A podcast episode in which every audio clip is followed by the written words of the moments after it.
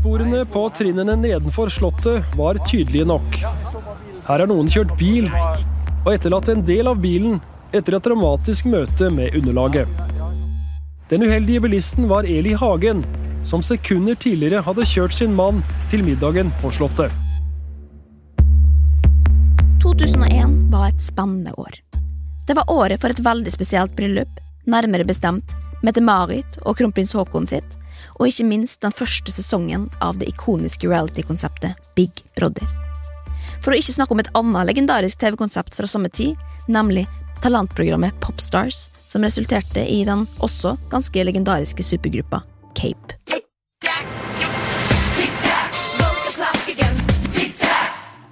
Mange husker nok også 2001 som det året der bin Laden og Al Qaida sendte to fly strak av veien rett inn i World Trade Center, og Bush erklærte krig mot terroristene.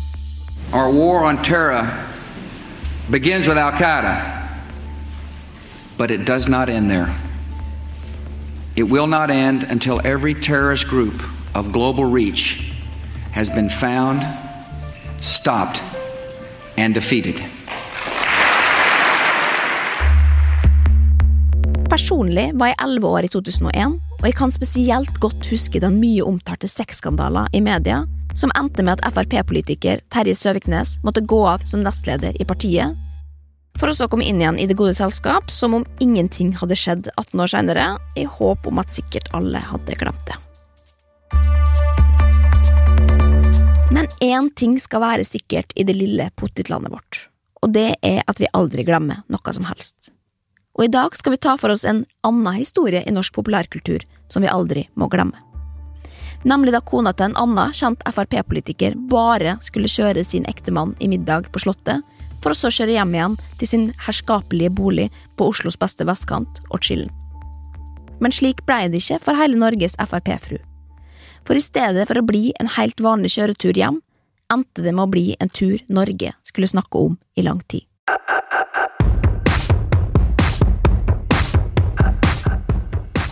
Jeg heter Linnea Myhre, og jeg er ingen gravejournalist. Men jeg er veldig interessert i alle detaljene du trodde at du ikke trengte, og i dag skal vi gå tilbake til en dramatisk hendelse i norsk historie. For hva skjedde egentlig den kvelden en av Norges høyeste frisyrer vridde om tenningen i sin grønne Passat utenfor Kongens slott 15. november 2001? Og hvordan kunne det gå så inderlig galt? Det er det vi skal forsøke å finne ut av i dag. Så da er det bare å sette seg inn i ditt nærmeste framkomstmiddel, feste setebeltene og sette utafor din personlige favorittrapp.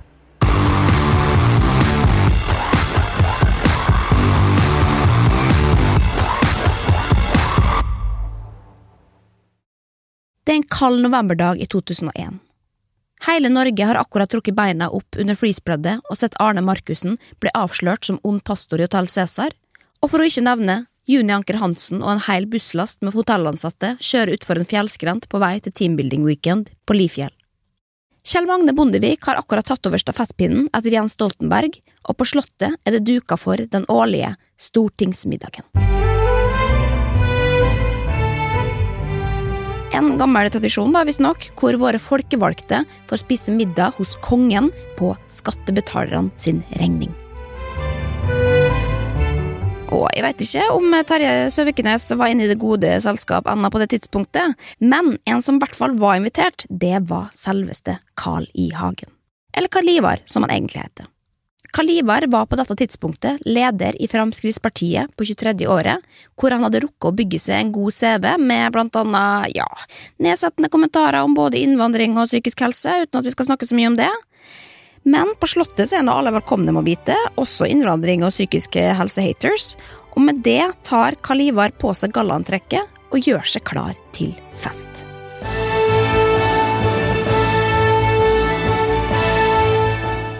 En som imidlertid ikke er invitert, er Kalivars kone Eli. Eller Eli Hagen, som vi kjenner henne som. Noe som for så vidt er greit, det. Kongen er jo ikke keen på å dra inn pluss én i tillegg til alle disse klovnene fra Stortinget inn på Slottet, det får være måte på, men Eli er på en måte litt mer enn bare pluss én for Kalibar. For Eli Hagen, eller Eli Oddveig Engum, som hun egentlig heter da, ble født som, har nemlig vært Kalibars høyre hånd siden de gifta seg i 1983. Og med utdanning fra Handelsskolen så har hun vært både sekretær og rådgiver for Carl, og har hatt stor innflytelse på myten og legenden Carl. Har du sett, Jeg har vært hans sekretær og åpna all hans post. Skulle sett alle de kjærlighetsbrevene han har fått opp gjennom årene. Og alt damer kan få seg til å skrive. Dere vil fått sjokk.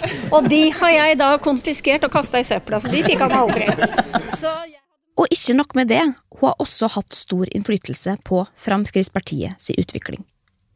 Men det gir nå kongen faen i, for Eli er fortsatt ikke invitert. Og det er derfor Eli også denne kvelden må innfinne seg med å være sin manns tjener, og ikke minst sjåfør.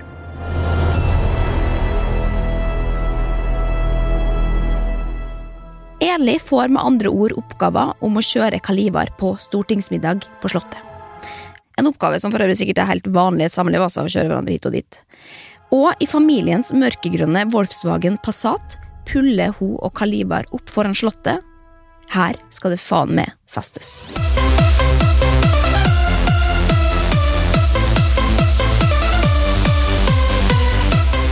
Og med det settes Kalibar ut i det fri og Eli vinker mens hun ser han forsvinne gjennom ørket og opp mot det opplyste kongelige slott. Omringa av et pressekorp som passer på å forevige denne historiske entreen, en Frp-politiker på vei inn i slott og på fest, og fotografene slåss om å få det fineste bildet. Og idet Kalivar har fått blitsregnet overstått og forsvinner inn bak kongens høye, statsfinansierte luksusdører, vrir Eli om tenningen for å forlate åstedet. Hjem til den trygge vestkanten hvor hun kan synke ned i skinnsofaen, slenge beina på furubordet og få på en episode av Tore på sporet. Kanskje varme opp litt av gårsdagens Toro meksikansk gryterett, eller kanskje til og med stikke innom butikken på vei hjem for å kjøpe en grilla kylling. Men i alt mylderet av slottsmiddag, paparazzi-blitz og kulinariske tankesprang glemmer Eli én ting. Nemlig hvilken retning hun skal i. For én ting er å komme seg opp til slottet via bil og sette av et menneske. Men hvordan kommer man seg egentlig tilbake? Hvor var det egentlig jeg kom fra, og kan det kanskje være denne veien? Og mens Eli Hagen tviholder på rattet, trykker hun kløtsj og gass forsiktig inn og begynner å kjøre. Sakte og respektfullt fortsatt på kongens eiendom og i retning Karl Johan.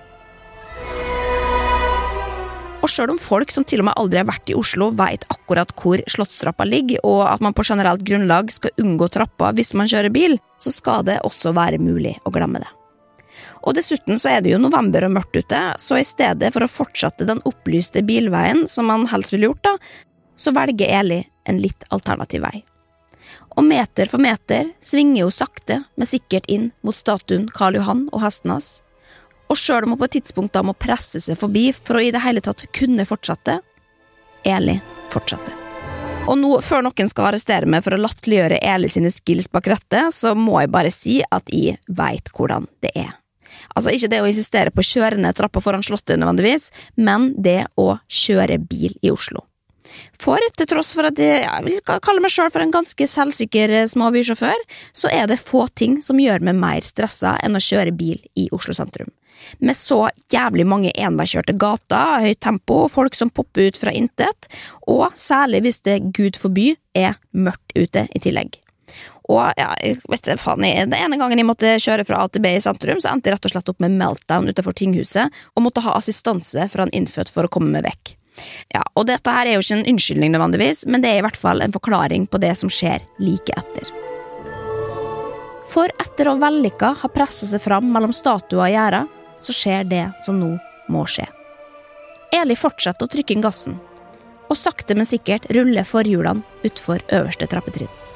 Centimeter for centimeter, helt til hjulet bikker over kanten, og man merker at det er noe som ikke er sånn som det skal være. Hva gjør Eli idet hun kjenner at bilen begynner å bikke framover, og at hun er på vei ned utfor noe? Bremser hun? Drar hun i håndbrekket? Eller rygger, kanskje? Nei da. Eli, hun fortsatte, selvfølgelig. Og mens Dagfinn Høybråten og Kristin Clemet blir avbilda på den røde løperen foran Slottet i sine antrekk fra Jack and Jones og Beyong, kan vi i det fjerne få øye på Eli Hagens baklys forsvinne i mørket, etterfulgt av kraftfulle dunk.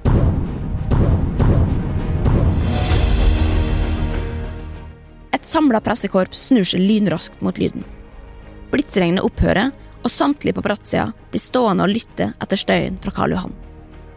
Hele Norge står stille idet Eli dunker ned samtlige av Slottets 17 trappetrinn. Mens Erna Solberg, da, som på dette tidspunktet er helt fersk som kommunal- og regionalminister, eh, kramter litt irritert mot en av fotografene og poserer i et helt nytt antrekk som hun gjerne har lyst til å fortelle mer om. Altså, jeg er jo fristet av å gå shopping i New York, for det er fantastiske muligheter til det. Men i stedet for å løfte kamera og fortsette å dokumentere stortingsrepresentantene sine fasjonable antrekk og tankevekkende kommentarer, begynner det å gå opp for samtlige at noe har skjedd. Noe som er større enn nok en show-off-middag på Slottet, og det rett ved sida. Så da er det bare å si takk og farvel og hold my beer til Erna, for dette må dokumenteres.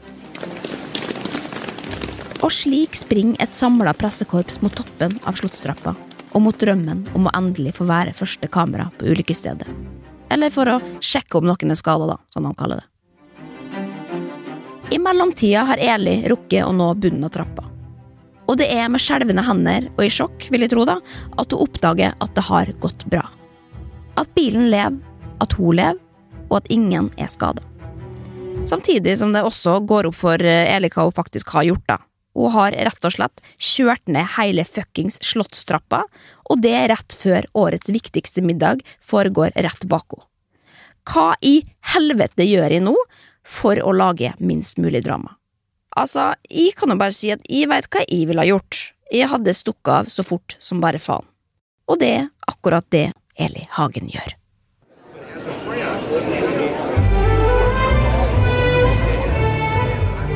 Meanwhile inne på Slottet. De fleste stortingsrepresentantene har funnet sine plasser rundt bordet. Kalivar aner fred og ingen fare, og har kanskje nettopp satt sin splitter nye Nokia 5210 med vanntett deksel på lydløs og plassert den inn i lomma, mens han skuler stygt bort på Kjell Magne. Erna smyger seg inn som en av de siste gjestene, og finner plassen sin ved sida av kultur- og kirkeminister Valgjerd Svartstad Haugland, og festen er offisielt i gang, og i kveld skal det virkelig svinge. Du strømmer gamle melodier.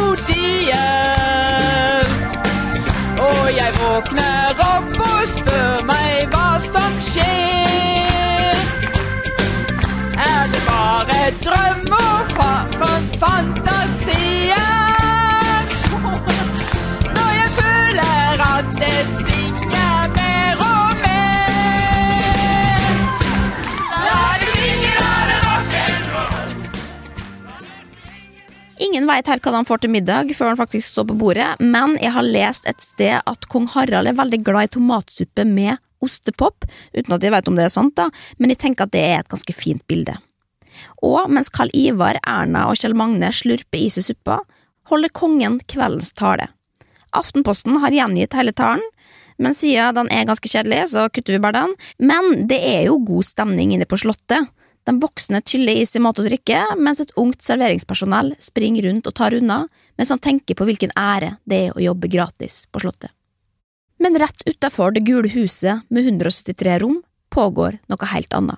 For mens pressekorpset springer mot toppen av Slottstrappa, er spenninga til å ta og føle på. Hvilket syn er det som vil møte dem der nede, og har det større nyhetsverdi enn det som foregår inne på Slottet? Springer vi nå i feil retning, eller er dette årets viktigste løpetur? Hvem får det beste bildet, og hvor mye kan vi tjene på det? Eller vi skulle bare sjekke om noen var skada, som han kaller det.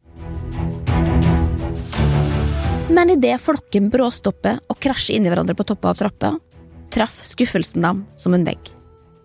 Samtlige kamera synker umiddelbart, og gnisten i øynene dør hen. For i bunnen av trappa er det tomt. Ingen mennesker, ingen biler. Ingen brann eller blod. Ingenting.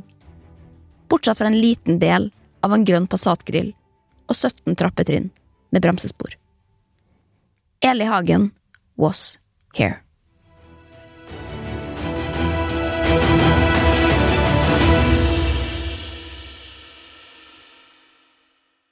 Til tross for ei tom trapp og ingen el i Hagen, går det ikke lang tid før ryktet sprer seg.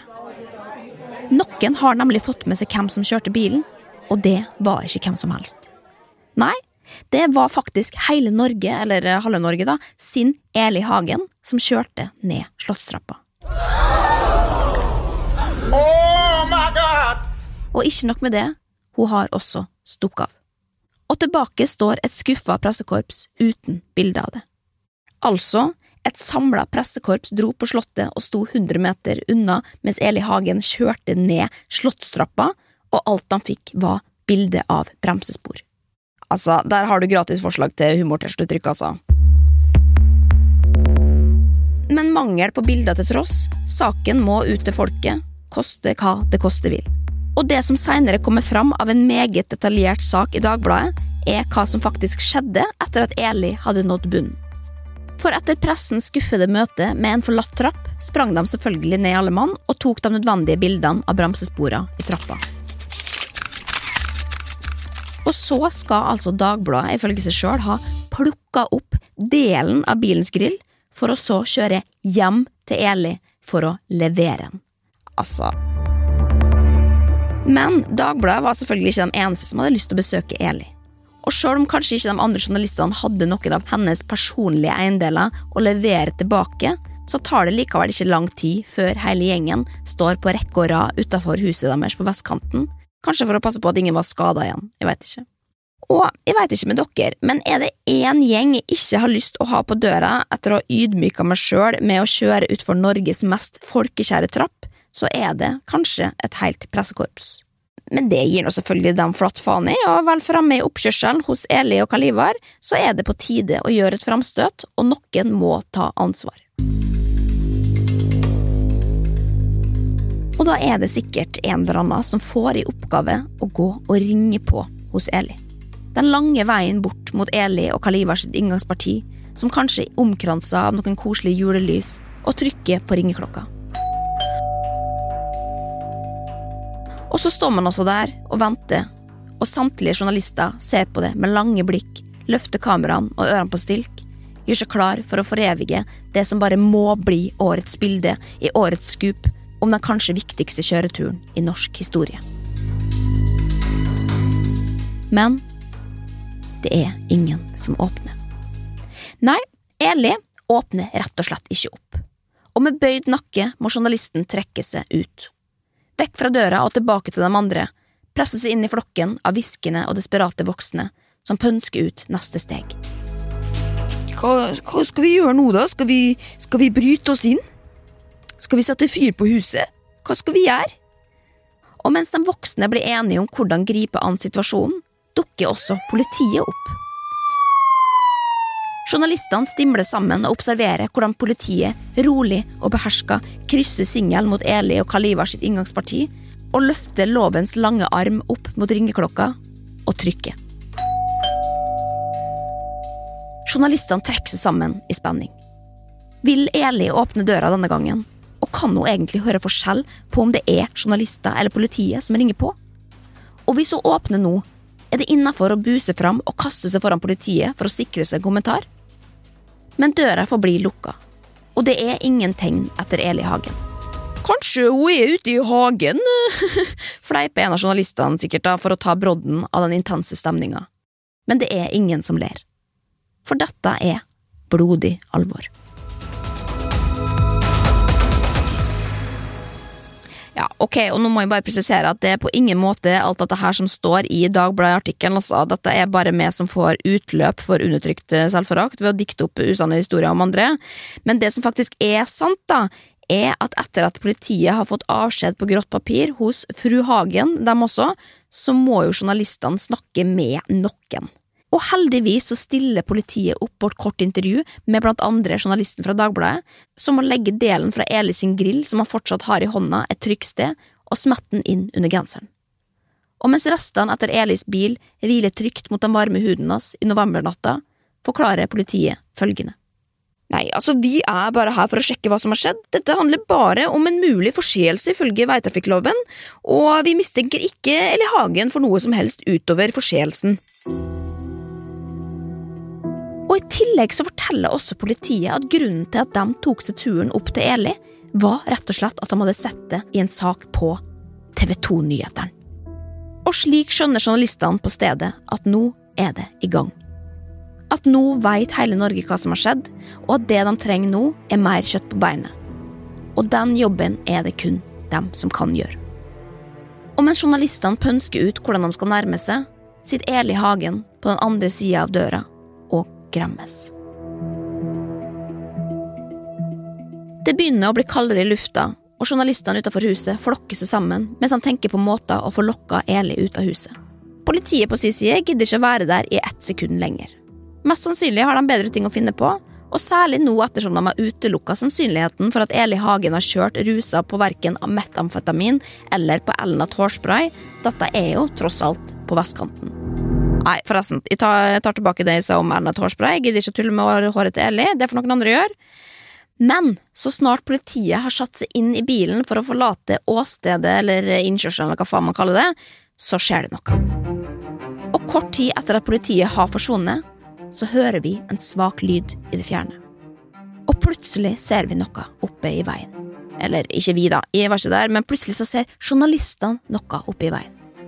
Og det er en slags skikkelse. Først er det bare en svak kontur av noe, og journalistene snakker kanskje litt seg imellom hva det kan være. Kan det være Kan det være en hest? Nei, det må være en gravling, kanskje? Nei, det må være gaupe, er det den som sier. Eller kanskje er det fugleskremselet i Maskorama. Lyden av hælene mot asfalt blir sterkere og sterkere når journalistene kaster ut sine beste forslag. Men det er ikke før gatelysene i Bestumveien treffer skikkelsen, at vi ser hvem det er. Det er selveste Carl I. Hagen. Og han er intet mindre enn i full fres mot dem. Dagbladet beskriver Karl Ivars entré på denne måten. Rasende ektemann i kjole og hvitt. Han er rasende. Og ja, det er helt riktig, det. Karl Ivar er rasende. Nei! Og jeg skal ikke gjøre noe poeng ut av at Kalibar faktisk ofte er ganske rød i ansiktet, men jeg bare minner om hvor lett det er å se for seg en rasende Carl I. Hagen. Og det er akkurat det jeg vil at du skal gjøre idet han også runder innkjørselen og møter et samla pressekorps foran sitt eget hus. Og alt dette etter å angivelig ha blitt bedt om å bryte opp årets viktigste middag fordi kona som had one job, ikke greide å kjøre hjem engang uten å lage styr. Og nå står de altså der og skal ha hans kommentar, vite alt om hendelsesforløpet og hva han tenker på og føler på, før han i det hele tatt veit noe som helst sjøl, og kanskje han er til og med redd og frustrert på samme tid? Nei, Kalivar har all rett til å være forbanna. Men i stedet for å gjøre det en trent politiker kanskje burde gjøre, nemlig ta et dypt magedrag og la journalistene stå igjen med det de frykter aller mest av alt, nemlig ingenting, så sier Kalivar heller følgende. Jeg ser at terroristene er her! Og med det sagt snur han på hælen så smokinghalen flagrer, og låser seg inn i huset i beskyttelse mot terroristene. Our war on terror begins with Al Qaeda. But it does not end there. It will not end until every terrorist group of global reach has been found, stopped, and defeated. Det blir stille fra det idylliske huset på Bestun i en lang stund, og Al Qaida innser sakte, men sikkert at slaget er tapt. Det blir ikke flere sitat fra Kaliver i kveld, og vi får ikke vite mer om hva som egentlig skjedde, tanker og følelser, og Dagbladet får heller ikke levert tilbake delen fra Eli sin grill. Men idet de skal til å forlate eiendommen med det ene, ganske harde sitatet, om vi får si det, på blokka, så innser kanskje Carl at han må myke det opp litt. For terroristene skal jo absolutt defeates, og selv om Bush kanskje ikke var villig til å forhandle med terroristene sjøl, så skjønner til og med Carl at det kan være lurt å si noe mer, så han ikke ser helt psycho ut. Så idet Dagbladet skal til å sette seg i bilen og reise fra Bestum, så kommer altså Carl gående mot bilen deres. Og videre siterer Dagbladet hele deres samtale, som vi nå skal rekonstruere. Meget sint, sier han. Ja, kom igjen, da! Fyr løs! Eh, når, eh, når eh, fikk du eh, høre hele historien? Jeg fikk høre det av kolleger under middagen på Slottet, og det er lett å kjøre galt der oppe, flere har gjort det før. Men siden Eli Hagen er gift med meg, Carl I. Hagen, så blir hun terrorisert på telefon, og hjemmet vårt blir beleiret for en liten bagatell. Ja, og her må jeg rett og slett bare kommentere, fordi Karl Ivar har faktisk et poeng her. Fordi Eli er ikke den første til å kjøre utafor Slottstrappa. Hun er nemlig nummer fem i rekka blant taxisjåfører og ja, andre vanlige folk da, eh, som kjører utfor. Og selv om jeg ikke er enig i at akkurat det er det samme som at det er lett å kjøre feil der oppe, så er det faktisk helt riktig det, at det er ikke første gang. Men pressa gir nå faen i det, og de fortsetter å grille Karl Ivar. Eh, var hun eh, klar over at politiet var utenfor huset og gjorde gjentatte forsøk på å komme i kontakt? Og da står det altså her at da freser det fra Hagen. Hun sluttet å ta telefonen fordi journalistene terroriserte henne! Og derfor kom jeg ikke i kontakt med henne da jeg ringte fra Slottet. Altså, hva kan man si? Jeg må bare si at jeg forstår det godt, at han er rasende. Jeg gjør jo det, og kanskje litt ekstra også, fordi han da altså står der i smokingen sin, og det jeg nekter å tro er noe annet enn en bitte liten promille. Men jeg må nå få lov å si at jeg også syns at det er artig da at han kaller journalister for terrorister. Jeg må det, og jeg må egentlig bare si som den amerikanske versjonen av Eli Hagen ville sagt det, Kim Kardashian. Pretty legendary, if you ask me. I love it. Og med det intervjuet ute av verden setter samtlige Al Qaida-medlemmer seg inn i sine respektive hvite varebiler og kjører ned igjen til byen, hvor de jobber på spreng for å få nyheten ut fortest mulig.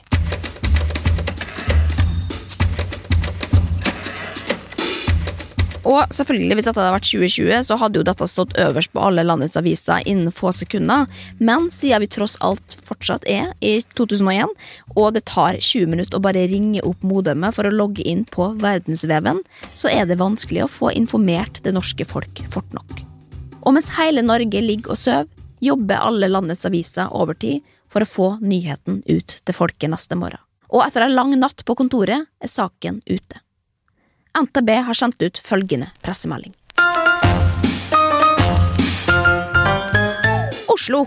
Eli Hagen, som kjørte ektemannen Carl I. Hagen til slottsmiddagen for stortingsrepresentanter og regjering torsdag kveld, var uheldig og tok en utradisjonell vei til Slottsplassen. Eli Hagen klarte nemlig å ta helt feil vei ned fra Slottsplassen etter å ha sluppet av ektemannen. Istedenfor å kjøre den vanlige veien, kjørte hun ned trappa utenfor Slottet. Mens Aftenposten har lagt det på en litt sånn storytelling-stil og skriver følgende. Har du hørt det? Eli Hagen kjørte utenfor trappa. Ryktet spredde seg rekordraskt blant pressefolkene som sto utenfor Slottet for å fotografere kjoler og spørre om budsjettforhandlinger torsdag kveld. Carl I. Hagen ankom i godt humør etter en dag med kort forhandlingsmøte og deretter lange samtaler med pressen om årsaker til budsjettbruddet. Kona Eli skulle ta den grønne Passaten hjem igjen, og hun satte kurs rett for Karl Johan. Men trappa, den var tydeligvis kjørbar, for bilen, den var borte da pressefotografene ankom. Det eneste de fikk med seg, var bremsespor og rester av en ødelagt grill. Ja, og så er det Stavanger Aftenblad her, da, som har en litt annen vri på det, og med overskrifta Frp-kone tok Slottstrappa i bil, skriver de at, sitat, Eli Hagen lever virkelig opp til mannssjåvinistenes oppfatning av kvinnelige bilførere. For da hun slapp ektemannen Kaliver av på Slottsplassen, så valgte hun en humpete vei hjemover.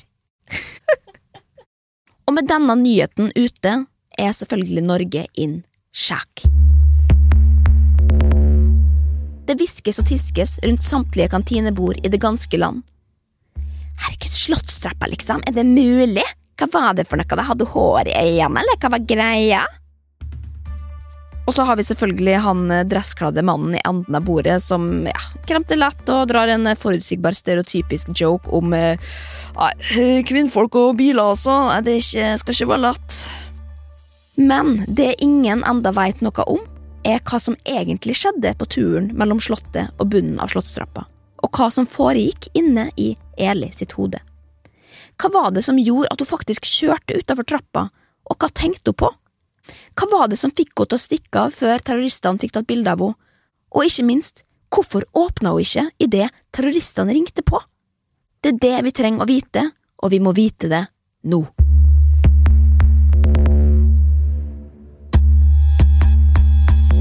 Meanwhile, nede på Stortinget har Eli kommet på jobb. Og det er VG som får æren av å møte Eli på Stortinget, hvor hun for første gang snakker ut om den tøffe tida det siste døgnet. Natten til i går og gårsdagen var fryktelig for Eli Hagen. VG møter henne på kontoret i Stortinget fredag formiddag. Partikolleger og forbipasserende kommer med oppmuntrende kommentarer. Eli Hagen snakker med alle. Og så spør VG sin journalist, fru Hagen, som han kaller henne, om hvordan det hele var. Hva følte du egentlig når du kjørte ned trappa? Som om hun akkurat har kommet i mål etter en idrettsprestasjon, og nå skal greie ut om den rå følelsen underveis. Men Eli svarer alvorlig. Du, det, det verste var at jeg var helt klar. Eh, Da jeg oppdaga trappa, så var jeg bare en halv meter fra første trinn nedover.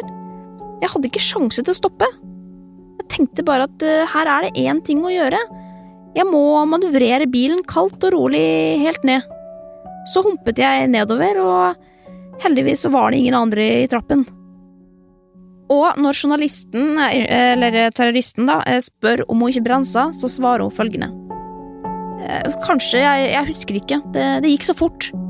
Men jeg hadde nok ikke noe større fart enn mellom eh, 10 og 20 km i timen, så, og så kjørte jeg rolig hjem. Altså, ikke større fart enn 10 til 20 km i timen? Altså, det er jo like fort som en elektrisk sparkesykkel som kjører det, og det er jo jævlig fort! Ja, ja, men uansett, VG forteller da så videre om hvordan Eli da har fått denne opplevelsen litt på avstand, eh, eller det de kaller den meget spesielle kjøreturen, og at hun nå skal ha, sitat, klart å le under sitt berømte store hår, sitat slutt. Men likevel så understreker hun også alvoret i situasjonen. Jo, hun ble nok litt stresset av alt oppstyret på Slottsplassen. Du vet, jeg, jeg liker jo ikke å, å bli tatt bilde av, og derfor prøvde jeg å komme meg av gårde fra Slottsplassen så fort Carl var levert til slottsmiddagen. Så jeg var nok litt stressa, ja. Og så kjørte jeg rett fram mot det som så ut som en, eh, ja, en stor grå plass der i kveldsmørket. Ja, og Så spør journalisten da om hun har opplevd noe lignende tidligere, selvfølgelig, og da sier Eli at hun har rygga inn i ei flaggstang på en stor åpen plass i 1972 på Fjellhamar, men at det som skjedde i går, det var mye verre. Men så forteller også Eli om følelsene i det hele. Jeg følte meg så dum, tåpelig. Heldigvis så skader jeg ingen. Men jeg beklager selvsagt de svarte dekkmerkene bilen min etterlot seg i Slottstrappa. Jeg skulle naturligvis tatt det mer med ro, stoppa og sett meg bedre om etter at Carl hadde steget ut. Men jeg sier i hvert fall sannheten om det som skjedde. Ja, og Så går hun og skravler, da, og hun sier nå det at uh, idet hun kom hjem, så låste hun ytterdøra og satte seg dønn ned i en stol, og åpna selvfølgelig heller ikke da pressefolkene strømma til. Hadde jeg lukka opp, så ville jeg bare brutt sammen i gråt. Da hadde avisene fått de bildene jeg absolutt ville unngå. Og her må jeg bare si, altså, her støtter Eli som bare faen. Altså, Ingen ved sine fulle fem burde jo på noe som helst tidspunkt åpne opp døra når noen ringer på uten avtale, verken journalister eller andre. Og selv om jeg skjønner at noen bare må gjøre det likevel, så syns jeg at vi kan bli enige om at vi slutter med å åpne for folk som ringer på først som sist, sånn at vi blir kvitt denne utingen en gang for alle. Ja, og Så forteller hun også det at etter at Karl Ivar kom hjem, så tok hun sjøl kontakt med politiet for å forklare det som hadde skjedd, og hun ba om å bli promilletesta, og alt var i det hun omtaler som den skjønneste orden, og at Carl han var ikke sur engang, og han hadde prøvd å berolige henne til og med med at det ikke ble noe presseoppslag, som vi må innrømme at jeg har litt vanskelig å forstå, han som har vært i politikken i alle disse årene, men jeg tenker jo at dette er slike ting man selvfølgelig sier for å berolige den man er glad i. Men når VG avslutningsvis spør om det er noe hun ønsker å ta lærdom av etter denne hendelsen, så er hun tydelig på hvem sin feil det er. Jeg begriper ikke at den trappa ikke er noe bedre merka. Dette kunne jo tross alt ha gått så mye, mye verre. Jeg kunne jo ha drept noen! Ja, og det har jo Eli selvfølgelig helt rett i. Hun kunne ha drept noen, og det er rett foran kongens slott, bare minutter før årets stortingsmiddag. Det kunne ha fått fatale konsekvenser. Men på ei anna side så kunne det ha fått vel så fatale konsekvenser dersom hun aldri hadde kjørt ned den trappa. For hva skulle ellers journalister og komikere og manusforfattere tøyse med de neste 20 årene? Uten denne hendelsen så hadde jo journalistene eksempel aldri hatt den klassiske og veldig veldig mye brukte tittelen 'Tok en Eli Hagen' for hver gang de skulle omtale bil i trapp, og manusforfatterne i Nytt på Nytt hadde eksempel aldri kunnet høste latter på et bilde av en hoppbakke med Jon Almås sin drepende kommentar. Eli Hagen er nå klar for nye utfordringer. Nei, jeg må rett og slett si at jeg er glad for at vi kan ta med oss denne historien og nå kulturarven om Frp-Elis tur ned Slottstrappa inn i evigheten. Og til tross for at du, Eli, kanskje ikke ser tilbake på denne hendelsen som en artig anekdote eller opplevelse, så vil jeg på vegne av det norske folk få lov til å takke. Takk for at du blei postergirl for alle dumme gjerninger i trafikken, og for at du er et forbilde for oss som syns at det er dritskummelt å kjøre i Oslo. Måtte denne hendelsen få leve lenge, som en uendelig inspirasjon for nye humortalenter, og ikke minst for unge terroriststudenter og vikarer der ute som trenger er overskrift. Counter terrorists win.